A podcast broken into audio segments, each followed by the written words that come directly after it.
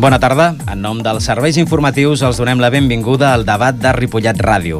Aquesta és la quarta edició d'aquest programa especial que mensualment aborda els temes de més actualitat des del punt de vista local.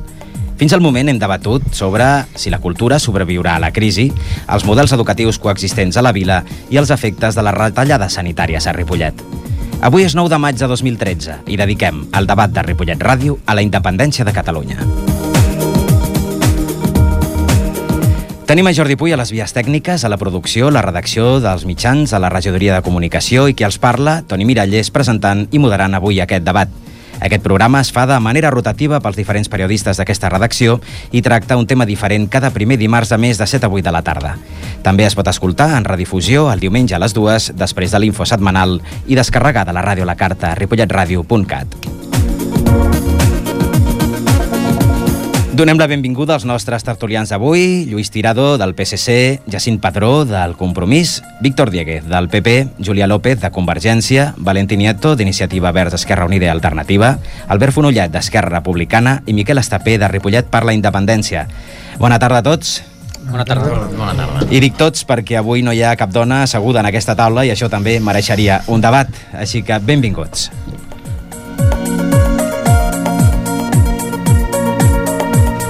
L'11 de setembre de 2012 va posar la independència de Catalunya a primer nivell de la política catalana i espanyola. La gran resposta ciutadana durant la manifestació de la Diada va precipitar la convocatòria d'eleccions i va canviar i ampliar l'arc parlamentari, ara més polaritzat que mai. La independència de Catalunya, un somni per alguns, un malson per uns altres. És el millor moment? Què decideix el dret a decidir? Cal aprofitar la situació de crisi per salvar-se d'això trencant amb Espanya? La independència és necessària? N'hi ha prou amb el pacte fiscal? Avui en parlarem de tot plegat amb el representant de les cinc forces polítiques amb representació municipal, també amb Esquerra Republicana i amb la plataforma Ripollet per la Independència. Així que, abans de començar el debat, Miquel Estapé, benvingut. Benvingut. Qui és i què fa Ripollet per la independència? Ripollet per la independència és la delegació territorial d'Assemblea Nacional Catalana. No som una plataforma, perdona que comenci a rectificar, sinó és una assemblea, eh, funcionem a nivell assembleari, però des d'una perspectiva d'un sol objectiu, la consecució de la independència de Catalunya. Eh, som un moviment obert, eh, transversal, paraula molt utilitzada últimament, eh, i sobretot democràtic i pacífic. I la nostra finalitat a Ripollet és actuar i treballar per la consecució i eh, amb la vista l'objectiu de la consecució de la independència de Catalunya. Doncs eh, explicat això i ha presentat, eh, avui també té vostè un paper important en aquesta taula, també per eh, defensar doncs, una nova manera de veure les coses i també doncs, aquest moviment mm, cada cop més important a Catalunya i que té també doncs, la, la seva delegació aquí a Ripollet. Doncs el que farem ara serà doncs, això començar el debat. Aquest programa, ja els hi comentava abans, és un programa obert, no hi ha temps establerts, tothom pot dir el que vulgui, per suposat, i intentarem que sigui de la manera més fluida, vull dir que fins i tot no utilitzarem cap eh, fórmula de major a menor, ni de més alt a més baix, ni de més prim a més gros, ni de més guapo a més lleig. Vull dir que aquí, si us sembla, doncs seguim un ordre correlatiu de la taula, anirem presentant a les diferents persones i llavors sí que m'agradaria en primer lloc fer una, una petita introducció que els servirà una miqueta per ja marcar doncs, un, un apunt de, de, de, què, de, què, de què van a aportar i, qui, i a què representen vostès aquí en aquest debat, doncs fer una pregunta una miqueta comú per tothom. Ahir mateix eh, tenia lloc la, cine, la cimera pel dret a decidir, això ve doncs, d'un doncs, acord pel dret a decidir. Eh, pràcticament eh, un gran nombre de, de forces es trobaven ahir, excepte el Partit Popular i Ciutadans, en qualsevol cas estiguessin o no. Eh, nosaltres eh, no hi érem, però sí que eh, es va fer, doncs, eh, sí que volem saber doncs, quina és la seva valoració doncs, al moment aquest actual de la discussió de la, de la independència a Catalunya, Valentí, d'iniciativa als Verds. Bé, bona tarda. Bona tarda, t'ha tocat a tu obrir sí, el, el foc, eh? Bé, eh, gràcies per haver-me convidat aquí a, a aquest debat. Bé, el, el, el nostre posicionament, el nostre grup d'iniciativa per Catalunya Esquerra Unida, eh, bueno, com ja tots sabi, és sapigut per tots, eh, comparteix i, i el, sobretot el, té, el que és el dret a decidir de les persones. No hem d'oblidar que això ens ve des d'una dinàmica que va començar, com fa un moment comentava el Miquel, l'11 de setembre, però és que abans d'això es van succeir una sèrie de coses. I m'explico. Uh, durant diferents anys ens hem trobat que Catalunya ha patit un, un finançament injust. Llavors, eh, com a fórmula de, per poder solucionar-lo, es va voler fer un, un estatut amb el qual una mica es blindessin eh, que aquest finançament fos en un futur més raonable cap als, als nostres posicionaments. Bé, com tots sabem, com va acabar aquest, aquest, aquest estatut, no? La famosa foto amb un puro, amb una plaça de toros, i un estatut que va votar el poble de Catalunya retallat per tot arreu. Entre ells, pues, el tema del finançament, que era un punt important de, dintre del, del, del nou estatut. Bé, eh, diferents governs estatals ens han anat pues, una mica pues, passejant que si ara sí, ara no toca, ara tocarà després o tocarà més tard. amb la qual cosa que això va desembocar pues, el dia 11 de setembre del 2012 una mica mm, enfortit per, per la crisi econòmica que s'està vivint en aquest moment a Catalunya de que la gent volgués donar un esclat i, va, i aquest esclat què significa? De que va haver una gran manifestació i la gent en si eh, ha vist de que podria haver una sortida cap al, al seu benestar enfocada en, un, en una independència, en una possible independència. Bé, nosaltres el que sí que estem a favor és que la gent pugui decidir què és el que vol fer del seu futur. Quan diem la gent, diem el poble de Catalunya. Totes les persones que vivim, treballem, que som partícips dintre la societat catalana. I això és el, el, el, el, el que creiem i que s'ha de defensar. Perquè no és qüestió de que si hi ha una llei que, que uh, ens ho permet o no ens ho permet. No hem d'oblidar de que l'estat espanyol està recolzant o va donar a la seva Constitució de que està dintre dels uns organismes internacionals que sí que reconeixen el dret d'un poble a, auto, a, a arribar a l'autodeterminació. Bé, això una mica com a, com a principi crec que és el que us volia enfocar. I Julià López, de Convergència, a veure, en principi, eh, sobre la pregunta que tu has fet eh, de la valoració uh mhm. -huh. del dia d'ahir, crec que mm, el més positiu, el més positiu de tot, és precisament l'acord que es va arribar entre els participants de realment mm, participar eh, en, en tota la preparació per aquesta consulta que s'ha de fer sobre el dret a decidir. Estem parlant precisament d'això, del de dret a decidir, per tant, diguem és un dret. Es dirà mm, legal, no legal, ja en parlarem. Ja en parlarem perquè el que es pretén, el que ha, el que ha d'aconseguir Catalunya és de que realment fer un acte legal. I s'ha d'aconseguir, i es pot aconseguir, si tothom hi posa la seva part en tot aquest aspecte. Mm, el fet, diguem doncs, de dir que és un dret està contemplat precisament quan es van redactar tot el reglament, tots els estatuts de les Nacions Unides. No sé si precisament un acord que es va adoptar a les Nacions Unides dins d'un altre estat pot ser quelcom alegal. I precisament quan es comença a redactar eh, lo de les Nacions Unides, ja en el primer capítol i el segon paràgraf diu que els propostes de les Nacions Unides són fomentar entre les nacions Relacions d'amistat passades en el respecte al principi de la igualtat de drets i el de la lliure determinació dels pobles. Això és el que diu la ONU. Pot haver un estat que digui que això no està d'acord amb les seves lleis, aleshores diguem doncs, que m'ho expliqui. Això una mica pel que respecta a la legalitat, que, que després també podem parlar de tota aquesta qüestió de la legalitat. Aquí hem parlat precisament de que fa un any va haver un acte molt important. Aquest acte molt important per mi no és sinó la, és la gota que vessa el got que ja estava ple i més que ple a través de molt de temps. Nosaltres el que estem diguem és a favor d'una independència per, per molts motius, per uns motius que són ideològics, i per uns motius que són pràctics. Els ideològics són, primer, perquè som una nació, i som una, una, una nació per tres conceptes. Ho som per història, perquè a través dels segles sempre s'hem considerat així. No, no anirem a, a, a 3.000 anys, com deia aquella senyora d'allà de Madrid, que Espanya tenia una història de 3.000 anys, no sé, no m'imagino jo ni els, ni els cibers ni els celtes amb la samarreta de la selecció espanyola, baixa. Eh? Sí, però sí, diguem des dels comtes reis diguem de Catalunya i posteriorment, no? fins a arribar als reis catòlics, amb els quals hi havia un tanto, monta, monta tanto. Això és el que en principi havia de ser, fins que en 1714 tot això doncs, s'estaveia. Som també una nació per cultura pròpia, diferenciada. Cultura, diguem, que estava al nostre tarannà comercial, d'indústria, etc etc també durant els segles, perquè a més a més nosaltres també teníem el nostre dret civil propi i que era diferenciat precisament doncs, de la resta d'Espanya. Fins a no fa gaire i, i això, que ara quan anaves al notari et deia que si eres ganancials o separació de béns per què? Perquè hi havia un dret català en el qual encara hi havia algunes coses doncs, que es mantenien. Però sobretot som una nació per voluntat pròpia, perquè volem ser-ho. I volem ser-ho no és un invent, que hi ha alguns que diuen és que això és un invent, per exemple, diuen del mas, eh, últimament. No, no, anem a veure, això és una cosa, diguem que l'estem nosaltres lluitant des de fa segles.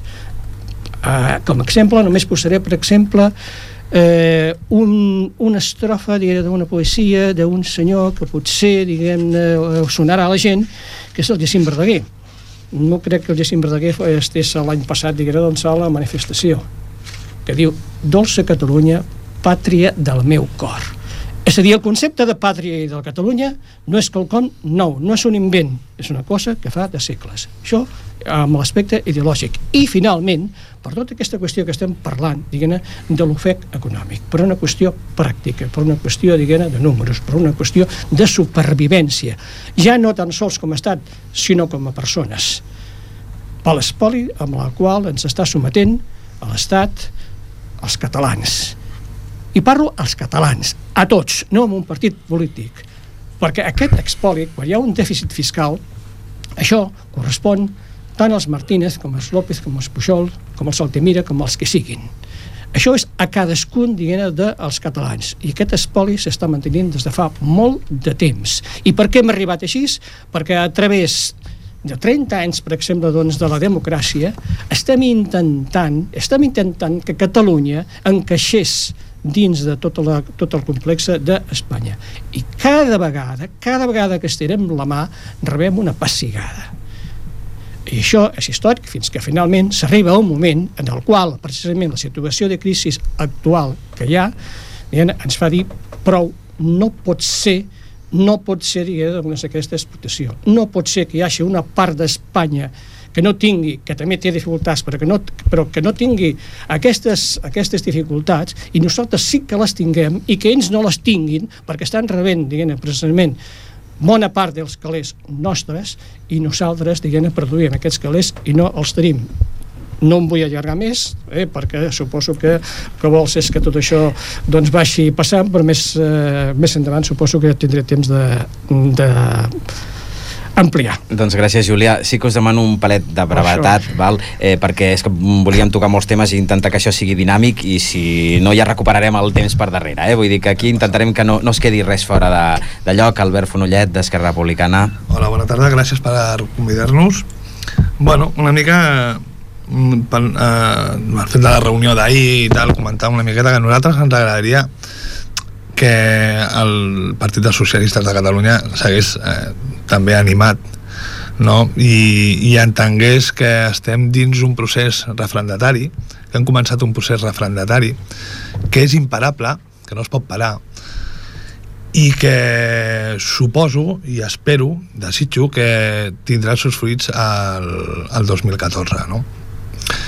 a part d'això pues, bueno, comentar una miqueta també el tema que per, per a part dels motius històrics, culturals eh, etc que tots ja coneixem i qui ens sentim i qui som catalans ja tenim prou clars. A part d'això eh, hem d'entendre també que el, el poble català fins ara una de les, dels motius que deien que no això és que hi havia una contradicció si és subjecte polític no subjecte polític deixar clar des del principi del, del debat que ho debatirem i ho parlarem que el poble català com a, com a poble és un subjecte polític perquè se'l convoca a fer eleccions cada X temps.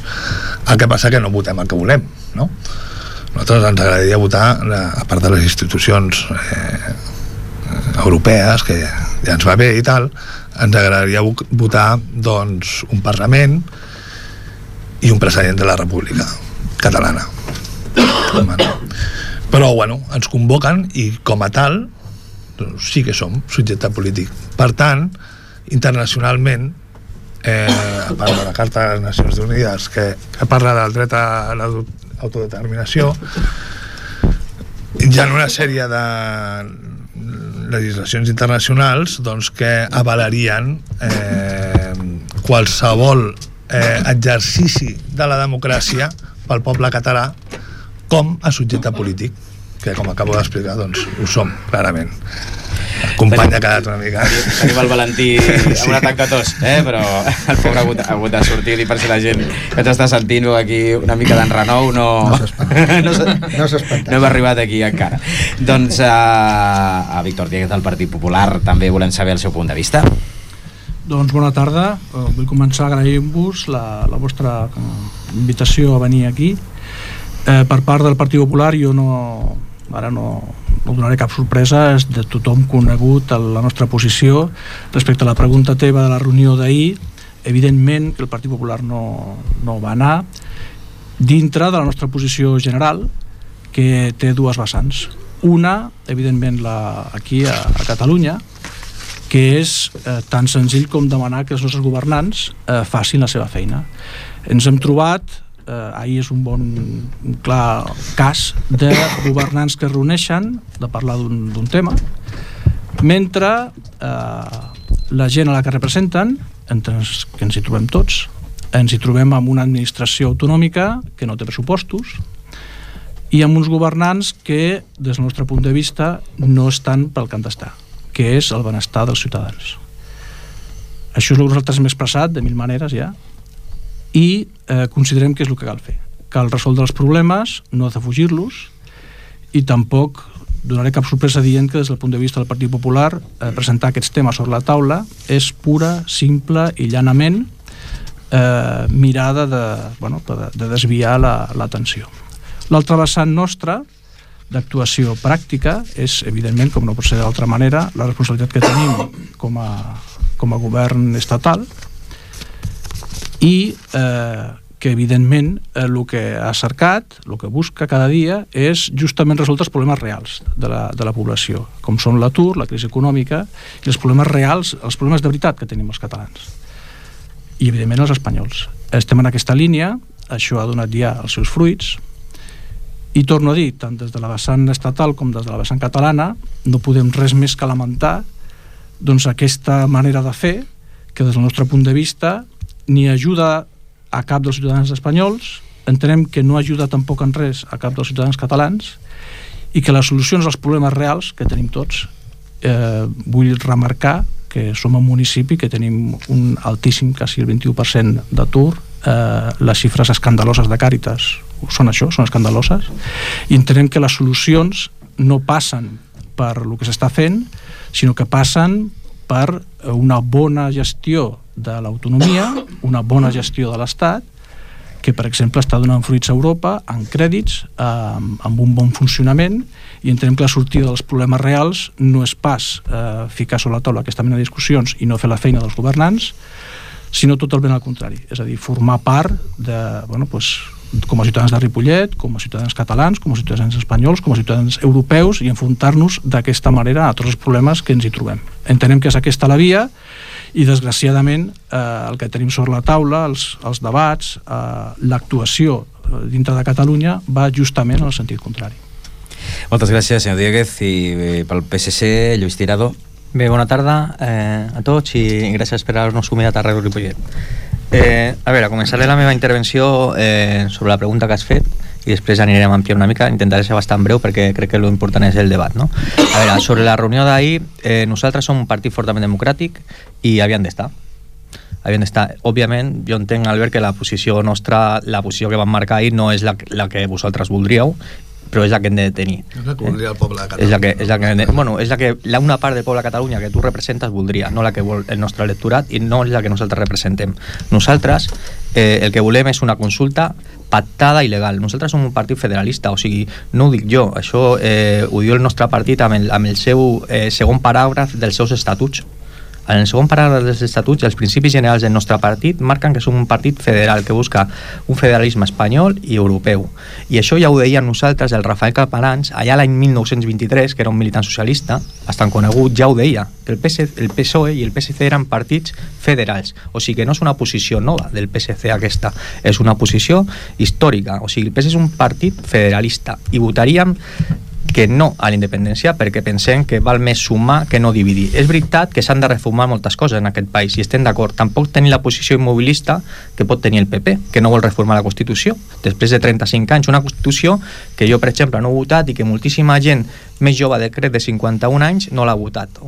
D'acord? I jo crec que aquí s'ha de fer una reflexió i s'ha de fer un pas endavant. Un pas endavant per millorar la financiació, òbviament, perquè està mal, malament la financiació, malament per Catalunya i malament per altres comunitats, no sé si viatgeu molt per Espanya, jo viatjo molt per la meva activitat laboral i les queixes que tenim aquí les tenen a tot arreu.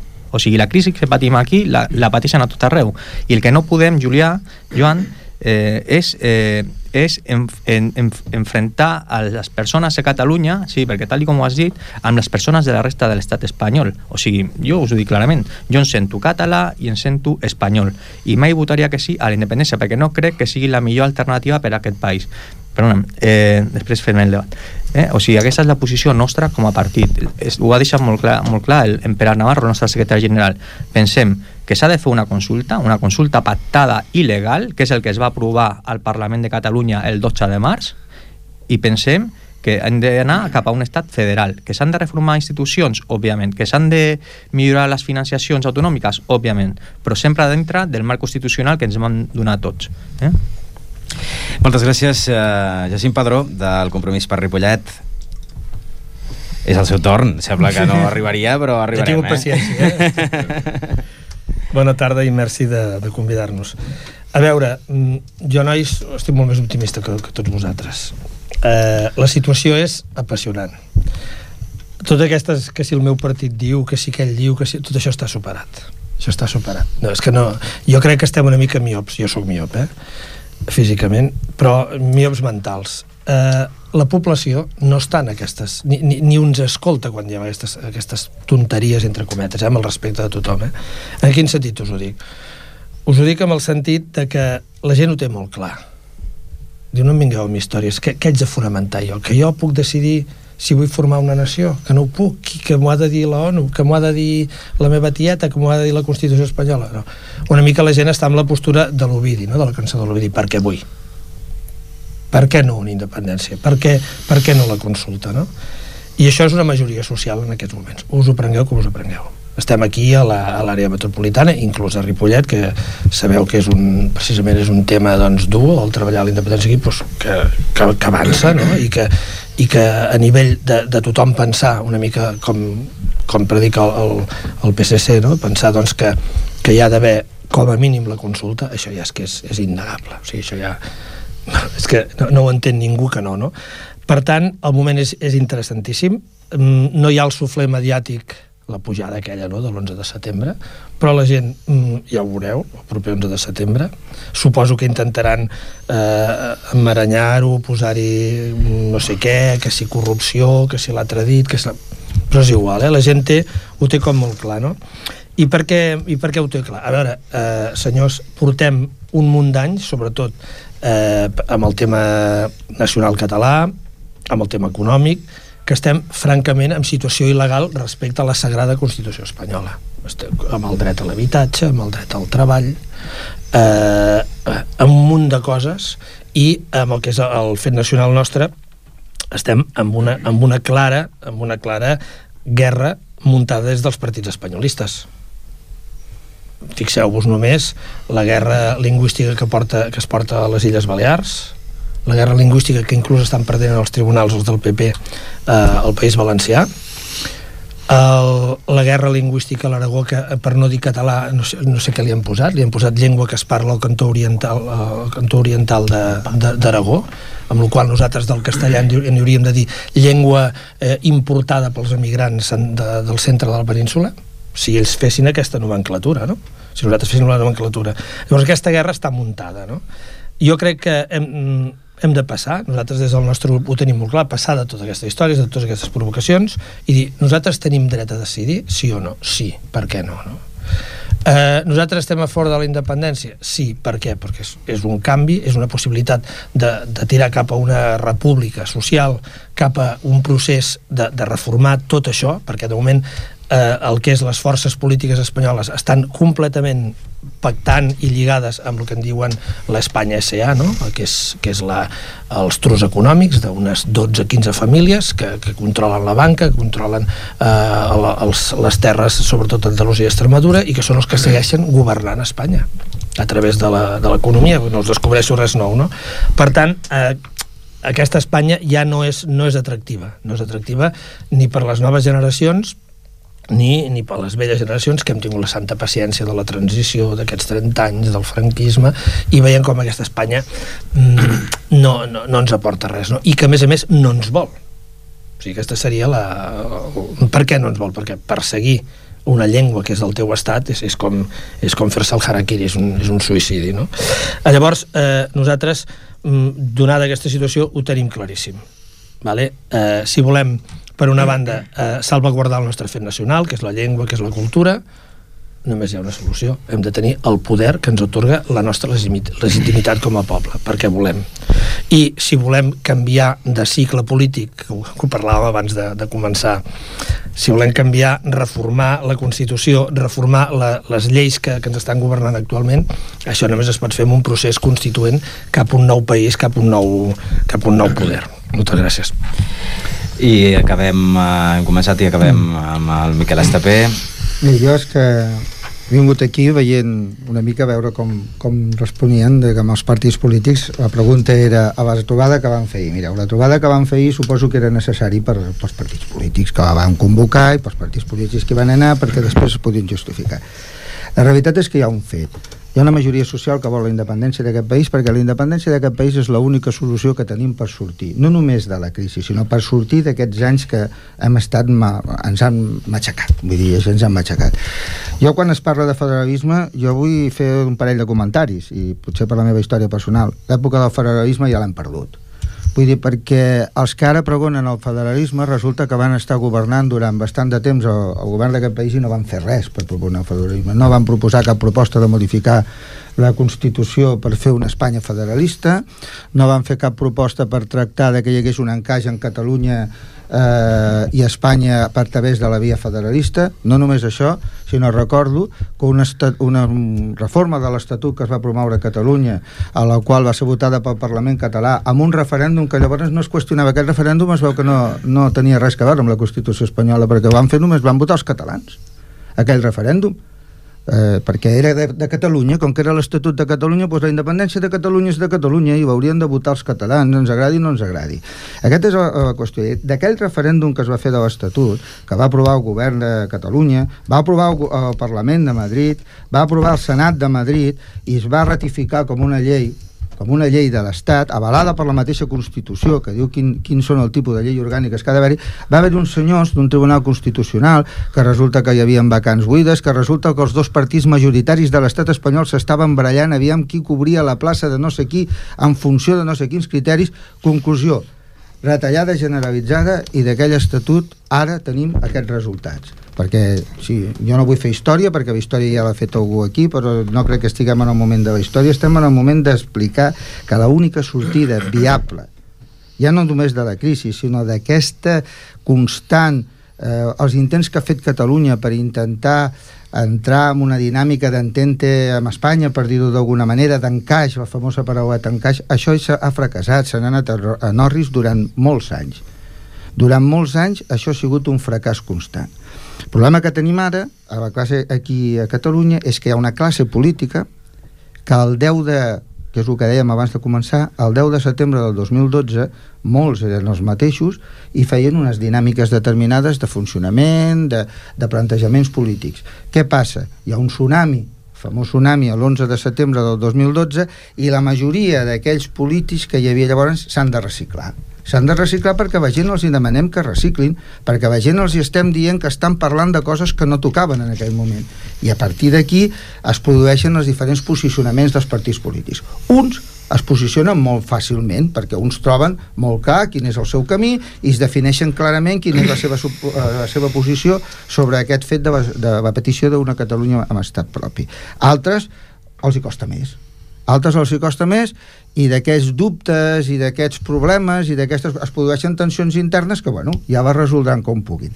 La realitat, des del nostre punt de vista, des de Ripollet per la Independència, des de l'Assemblea, és que s'ha d'avançar amb el camí de la independència. I que nosaltres estem perquè els partits polítics ja crec que estan complint tots els fulls de ruta que havien de complir. Ja s'ha d'acabar tant fulls de ruta. Tantes reunions, tant estar aquí, tant estar allà, tant m'estimo aquest, m'agradaria, em posa les banyes però aviam si me les puc treure, s'ha acabat. Hem de fer passos ferms cap a el que demana la majoria social. Hem de demanar i hem de, de permetre que s'expressi d'una vegada el poble català. Si comencem que la, legal segons la Constitució espanyola, doncs bueno, probablement no hi ha hagut cap llei, no hi ha hagut cap canvi social en profunditat que hagi sigut legal amb la Constitució i amb les lleis d'aquest moment. Si no, les dones no, encara... Si no, les dones encara no podrien votar si en el moment que es va aprovar el referèndum, o sigui, el dret de vot universal per tothom igual, s'hagués estat a les lleis que hi havia en aquest moment, poso com a exemple, aprofitant l'entrada que ha fet Toni, de que aquí no hi ha senyores, no hi ha dones, les dones encara no podrien votar. Per tant, quan es, va una, es fa una reforma en profunditat, una reforma que demana la gent, que demana la majoria, que vol expressar-se, que la vol votar, que quina por hi ha en que la gent digui si vol o no vol la independència de Catalunya? Quina por hi ha en posar en marxa el mecanisme? I a partir d'aquí, quan ho tinguem això, haurem de dir, ara que ens hem pogut expressar, ara que hem pogut dir el que volem, hem d'actuar i aplicar els mecanismes perquè això sigui una realitat. Perquè tot no s'acaba amb el dret a decidir tot no s'acaba amb un referèndum. En el moment que hi hagi aquest referèndum, si el resultat és que sí a la independència de Catalunya, vindrà el dia després. I aquí és on vull anar. Haurem de fer una Constitució, haurem de constituir unes noves maneres de governar, haurem de rectificar, Lluís, determinades maneres de funcionar i de fer política, perquè no podem caure amb els mateixos errors que s'està caient fins ara. Si fem un estat propi per caure amb els mateixos errors de l'estat espanyol, no cal que fem un estat propi. Però probablement aquí no ho farem. I tenim mecanismes per sortir d'aquesta situació que beneficin els ciutadans de Catalunya. No em serveix de res a mi que em diguin que hi ha un ordinador per cinc nens catalans quan a Extremadura en tenen dos per quatre. De què em serveix a mi això? D'on han sortit aquests diners perquè els determinats nens de determinades comunitats... Del dèficit fiscal, d'explotar unes determinades comunitats autònomes perquè puguin ser la vaca d'unes altres que estan vivint de la babalà. I que vinguin determinats polítics de fora a dins el que hem de fer els catalans, que són molt dolents i que no ens administrem bé. Perdonin, què hem de maig d'administrar jo aquí? Si no em deixeu que m'administri. Deixeu-me que m'administri, deixeu-vos d'emportar-vos de, de a 16.000 milions d'euros a casa vostra per partir-vos com bons germans, per enfotre-se'ns de nosaltres i deixeu que aquests 16.000 milions es quedin aquí. I llavors, entre tots, direm a on han d'anar, com han d'anar i aquí s'havien repartit. I veureu com sortirem de la situació. Igual hasta ajudem a Espanya que siguin una mica més creatius en el moment que no tinguin la vaca d'aquest xuclar, igual obliguem una mica que el resto siguin una mica més creatius i que es busquin les virolles una mica de millor manera. I aquest, aquest és el, el punt del dia després, eh? perquè tot no s'acaba aquí. Senyors, eh, hem anat molt malament perquè mm, això se'ns ha allargat una miqueta. Jo us proposo un petit joc. Queden 15 minuts. Uh, hi ha al·lusions, hi ha coses que ja poden dir.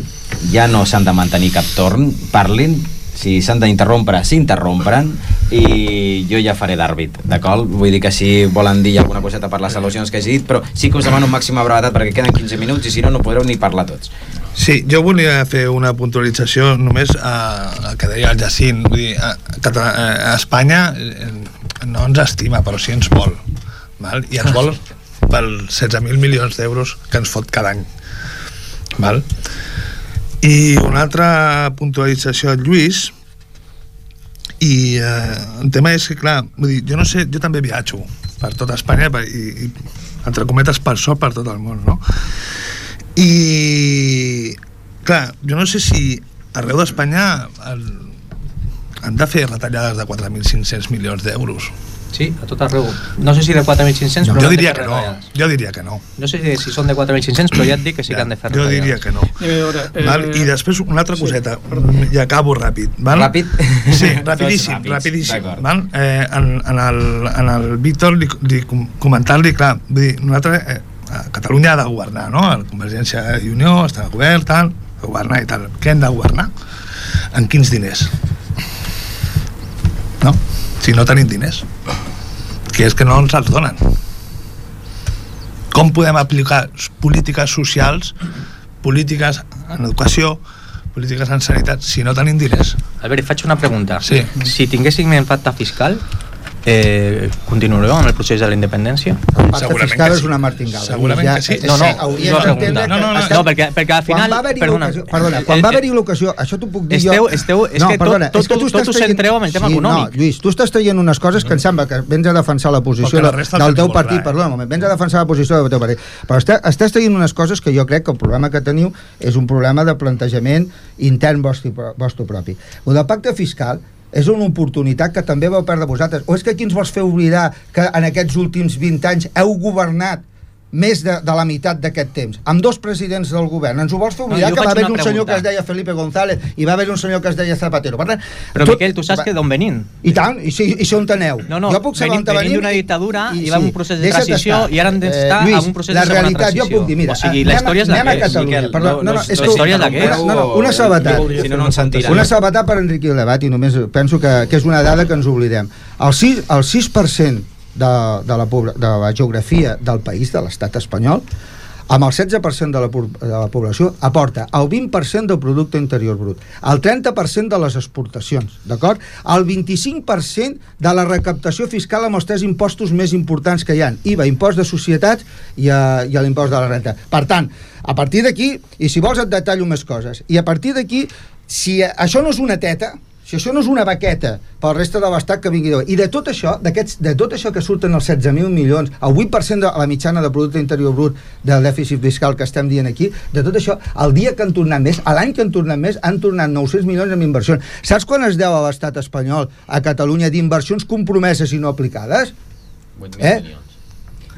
8.000. Això són dades, vull dir, com que jo no les tinc, ja les tinc, perquè són dades. Llavors, 9.000, Només que, es dongués, 9.468 només que donguessin aquestes, aquests diners, imagines la de meravelles que es podien fer. El llistat el tinc. De meravelles per un tubo. Hasta vosaltres podríeu fer meravelles governant Catalunya amb 9.000 milions. Jo voldria intervenir... Sense dèficit fiscal i sense federalisme. I això és comptant amb les, amb les lleis actuals que n'hi ha ara. Això també és una jo- Si puntualització. deixes un, un, llacint un, eh, un, un segon, és que jo no vull marxar d'aquí i cada dia vull aprendre una cosa nova. Valentí, la vostra posició quina és? Perquè no ho tinc clar. Vosaltres votareu sí a la independència o no a la independència? Digue'm, digue'm sí o no, No. perquè no ho tinc clar, encara no ho sé. Ni la Dolors Camats, ni el vostre secretari general, no ho sé. Eh, I i m'agradaria marxar d'aquí quedant 10 minutets sàpiguen-ho. Només això. Bueno, una pregunta molt a veure, directa a tu. Sí o no? no Què votareu? Veure, nosaltres, a veure, nosaltres el, el, nostre, el nostre partit, evidentment, tal com us he dit, estem pel dret a decidir. Quan diem el dret a decidir és que... ah, No, No, nosaltres també estem pel dret a decidir i votarem que no. No, El que... Partit Socialista votarà que no. Tu, Lluís, representant el Partit Socialista, dius avui aquí que el Partit Ja Socialista dit de Catalunya votarà general. que no. Ja ho ha dit el nostre secretari general. Què, què ha dit I el la vostre secretari? Ho has dit, ho has dit això? Sí, el nostre secretari general. La posició oficial del moment. partit és aquesta. Miquel, que és que la pregunta me l'ha fet a mi. Avui he pres una cosa nova. No, no, això ho ha dit el nostre Ja secretari general. ja veuràs els, que no estan a favor Bueno, però nosaltres- no eh, eh, partit. Ho ha dit Dintre- el nostre secretari Digue'm- general. Dintre de la... Anem, a aixecar la mà A altre tema. A mínimament. veure, Jo he Lluís, pres una jo, cosa jo, nova. jo, jo et contesto, jo contesto perquè... Però, a veure, nosaltres, el nostre, dintre de l'iniciativa Esquerra Unida, hi ha gent que està totalment a favor de la independència, hi ha gent que està per un estat confederal, hi ha gent que està doncs, per un estat federal i per un grau d'autonomia molt més gran. Encara nosaltres no ens hem plantejat quina serà aquesta pregunta. La pregunta serà independència sí, independència no? Si fos aquesta, què No, votaríeu? no, no, jo, jo, és que no, és que, a veure, nosaltres encara no podem decidir-nos d'una cosa, encara no sabem quina serà la pregunta exacta. O, o donareu llibertat de votació al vostre electorat i als Nosaltres vostres militants? ens ho plantejarem en aquell moment i donarem una resposta dintre com a partit, o a lo millor el propi partit dirà que cadascú faci el que hagi de fer. Valentí, Julià i Mireu, Jacint... Anem a veure, eh, anem a veure Lluís, eh, jo crec que les persones no són béns i que la, encara que hi hagi un secretari general que digui s'ha de votar això, després cadascú particularment fa el que realment ell No, no, està... cadascú farà el que vulgui, ell està, partit- ell està convençut. Jo vull contestar una cosa que abans diguem, doncs, m'has dit, diguem, i per tant per al·lusions també t'ho dic, i que una mica ja ho han contestat també diguem, el Miquel i l'Albert. Quan jo estava parlant del dèficit, estava parlant del que s'estaven espoliant i així tu dius, això és enfrontar. Anem a veure que els altres tinguin els calés nostres i facin, diguem, els quatre ordenadors o el que sigui, que els mestres puguin anar a Sud-amèrica, diguem, a fer els cursets d'estiu, etc. Eh, com jo vaig sentir de dues mestres de Madrid, amb els quals vaig fer un viatge, etc etc etc. És a dir, que hi hagin 16.000 milions d'expoli, eh, el qual representa, el qual representa que vostè cada any dona 2.200 milions perdó, sí, do, eh, perdó, mm, 2.200 euros vostè diguem-ne, que no tornaran, que els dona, diguem-ne, a les altres comunitats. Però és que la seva dona també dona dos- 2.200 i els, cada un dels seus fills, fins i tot els nadons, donen 2.200 i això ho han de sentir tothom. Cada any, cada català dona 2.200 euros que no li tornen. I els donen per unes comunitats que en un moment, quan es va establir la compensació, podria tenir un significat, perquè realment aleshores passaven d'una dictadura, etc.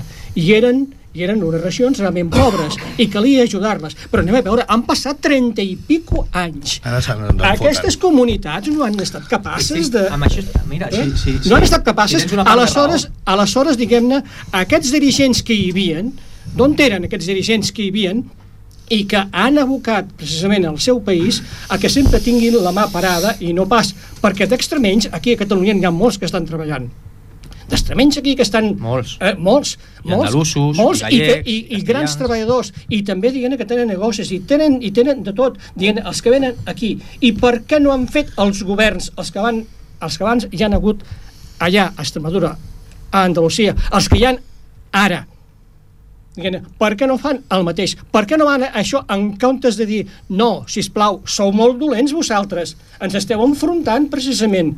No senyor, no senyor, però és que a més a més les coses que, la, les coses que es pacten, com estaven dient, no es compleixen.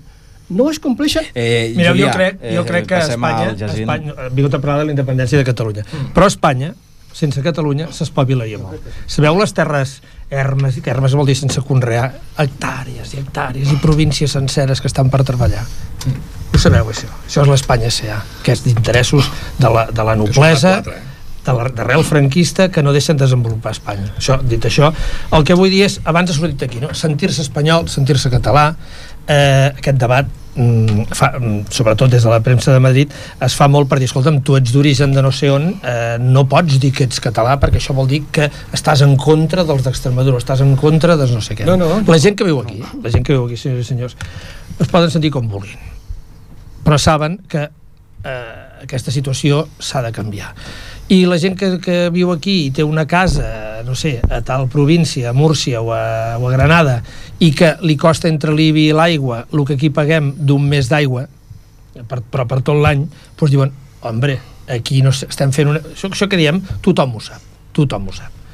Eh, llavors, l'únic que, que jo demanaria és que durant els processos, durant tot aquest procés, tota aquesta situació de- d'embrutar, de, de buscar enfrontament ètnic i tot això, jo crec que, que això ha d'estar superat. Mm, ho dic per, sobretot pels, mm, pels partits doncs, o per gent no? com la Carme Chacón no? doncs, que diu que, que enfrontem obrers que enfrontem no sé què, una, una cosa que jo havia sentit això als, a les acaballes del franquisme no? quan en una assemblea parlaves en català no? llavors eh, tot això està superat la gent, que, la gent que viu a Catalunya evidentment que hi ha gent que pensa que, que vol ser federat amb Espanya, els altres que no, que vol ser, hi ha un 9% que no sé què, però evidentment la gent ja sap la situació.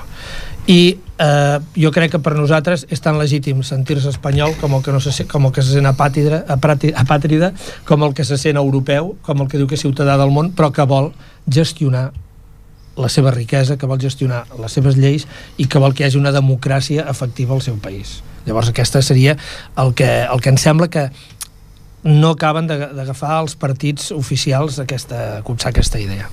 Miquel? Jo molt ràpid. Eh, per un cantó, el que es veu clarament, i aquí ho estem plasmant una mica des de la realitat local, és que això és un debat polític. Jo recordo que no fa gaire tot era, quan es va entrar en el debat que si era econòmic, que si hi havia dades, que si hi havia dades, tothom n'hem tret aquí en podíem treure 50.000, com que al final van veure alguns sectors determinats que pel debat econòmic no anaven enlloc perquè les dades el que deien és que Catalunya independent era viable, era viable econòmicament i que per tant per aquí no hi havia d'haver-hi problema el que es mostra la realitat és un problema és un debat polític, és un problema de voluntat política. Catalunya serà independent per voluntat política no només dels seus partits, sinó per voluntat de la seva gent i per voluntat, interès i per consciència nacional. I això és així. I qui s'hi oposa, s'hi oposa per un tema de voluntat política, sinó precisament, que és perfectament estimable, voluntat política. Per tant, el resultat de tot això és deixem que s'expressin aquestes voluntats polítiques amb la gent, que sigui la gent la que pugui decidir què és el que vol per Catalunya i que siguin els catalans el que ho facin i a partir d'aquí, després a treballar perquè se'ns obre feina encara que es, de, que es guanyin un referèndum que Catalunya sigui independent pel dia després se'ns obre molta feina això no vol dir que l'endemà ja tots eh, eh, estarem igual amb, amb el dia a dia però tindrem molta feina a fer per això volia dir això, ara és un moment de debat polític i, en, per desgràcia, paral·lelament a aquest debat polític, hi ha una mica de, de claveguera de l'Estat, eh? això també ho hem de tenir en compte. L'Estat espanyol està fent, s'ha fent ah. servir les seves clavegueres i per tant això també ho han de tenir en compte però bueno, és la guerreta, és la guerreta política que toca fer ara. Eh, no volia deixar de tornar a sentir la veu del senyor Dieguez perquè aquí hi ha diguem, una part com més monocolor per dir-ho així amb tots els matisos eh, altres doncs, que poden doncs, eh, també eh, presentar una altra idea però una molt clara que és la del senyor Dieguez. Eh, diguem, vostès no estan per la independència això està clar, estarien pel pacte fiscal? Nosaltres ho, ho hem expressat, la nostra presidenta Alicia Sánchez Camacho ho ha expressat, també els nostres diputats. Nosaltres per lo que estem és per una millora de la finançació a Catalunya, ho hem expressat moltes vegades, pensem que Catalunya és una part molt important d'Espanya i per tant mereix un tracte no només especial sinó singular. I com tothom pot entendre, qualsevol que ens estigui escoltant, ho entenem, torno a dir, tot i que aquí sembla que siguem una petitíssima majoria, crec que tothom, una gran majoria, el que creu és que ho hem de fer dintre d'unes normes, dintre d'unes línies, dintre de, de que l'objectiu, la prioritat sigui millorar la vida de, de la gent, això té una vessant econòmica molt important i la via que nosaltres entenem, torno a dir, és aquesta, és a dir, eh, dintre les institucions que ens hem donat, vull dir aquí que es denosten moltes coses, he sentit moltes coses amb les que no estic en absolut d'acord, i em fa llàstima haver de recordar aquí que la Constitució, per exemple, és una norma bàsica que ha donat a Espanya, als catalans com no, la més llarga etapa de pau i prosperitat eh, que, que, hem, que hem gaudit mai. Per tant, nosaltres, eh, torno a dir, estem per la millora del finançament de, de Catalunya, estem perquè els governants facin el que han de fer, la seva feina, millorar la nostra vida a través dels pressupostos, facin la seva feina i qualsevol, torno a dir, que ens escolti, que tingui els problemes que tenim tothom d'atur i, de, i de problemes econòmics, pot adonar-se'n de que aquí hi ha gent que parla d'una fantasia que ho solucionarà tot, però a la pràctica, al final, el que finalment ens porta diners, ens porta garanties, ens porta millores, és justament treballar tots plegats i fer-ho ben fet com és la, el món competitiu que ens ha tocat viure. Ja està? Gràcies. Sí. Doncs com sentíem per aquí ja està, sí, sí, s'ha anat molt ràpid. Jo, abans d'acomiadar-me, els hi proposo una cosa. Jo crec que aquest debat en una hora no en tenia prou. Tenim una idea de fer temps de fer aquest programa cara al públic en algun lloc públic. Jo els proposo a continuar aquest debat un altre dia a, per exemple, al Centre Cultural, preparar-ho amb temps i portar gent, i que la gent de més opini, opini també, sí, sí, i, se, i se senti per la ràdio, perquè han quedat debat, moltes coses si per sentir. Debat, jo crec que l'hauràs de fer al teatre. Al teatre. Serà sí, quasi no com moros i cristianos, no? Quasi. Home, tampoc. No, no, no. Tot el respecte, eh? de moros i cristianos. Fins aquí el debat de Ripollet Ràdio. Agraïm la presència als nostres convidats, a Lluís Tirado del Partit dels Socialistes, a Jacint Padró del Compromís per Ripollet, a Víctor Dieguez del PP, a Julià López de Convergència, a Valentí Nieto d'Iniciativa Verds Esquerra Unida Alternativa, Albert Fonollet d'Esquerra Republicana i a Miquel Estapé de Ripollet per la Independència. Esperem que el programa d'avui hagi estat eh, interessant per tots vostès, enriquidor, i els recordem que aquest i els propers programes es poden descarregar de la nostra web, la ràdio lacartaripollet.cat. Els esperem el mes vinent, en parlarem d'un tema també molt interessant, del nostre futur, dels joves i del que alguns ja anomenen la generació perduda. Serà el proper dimarts, eh, el primer de mes, que és el 2 de juny, a les 7 de la tarda. Fins llavors els emplacem novament al debat de Ripollet Ràdio. Molt bona tarda.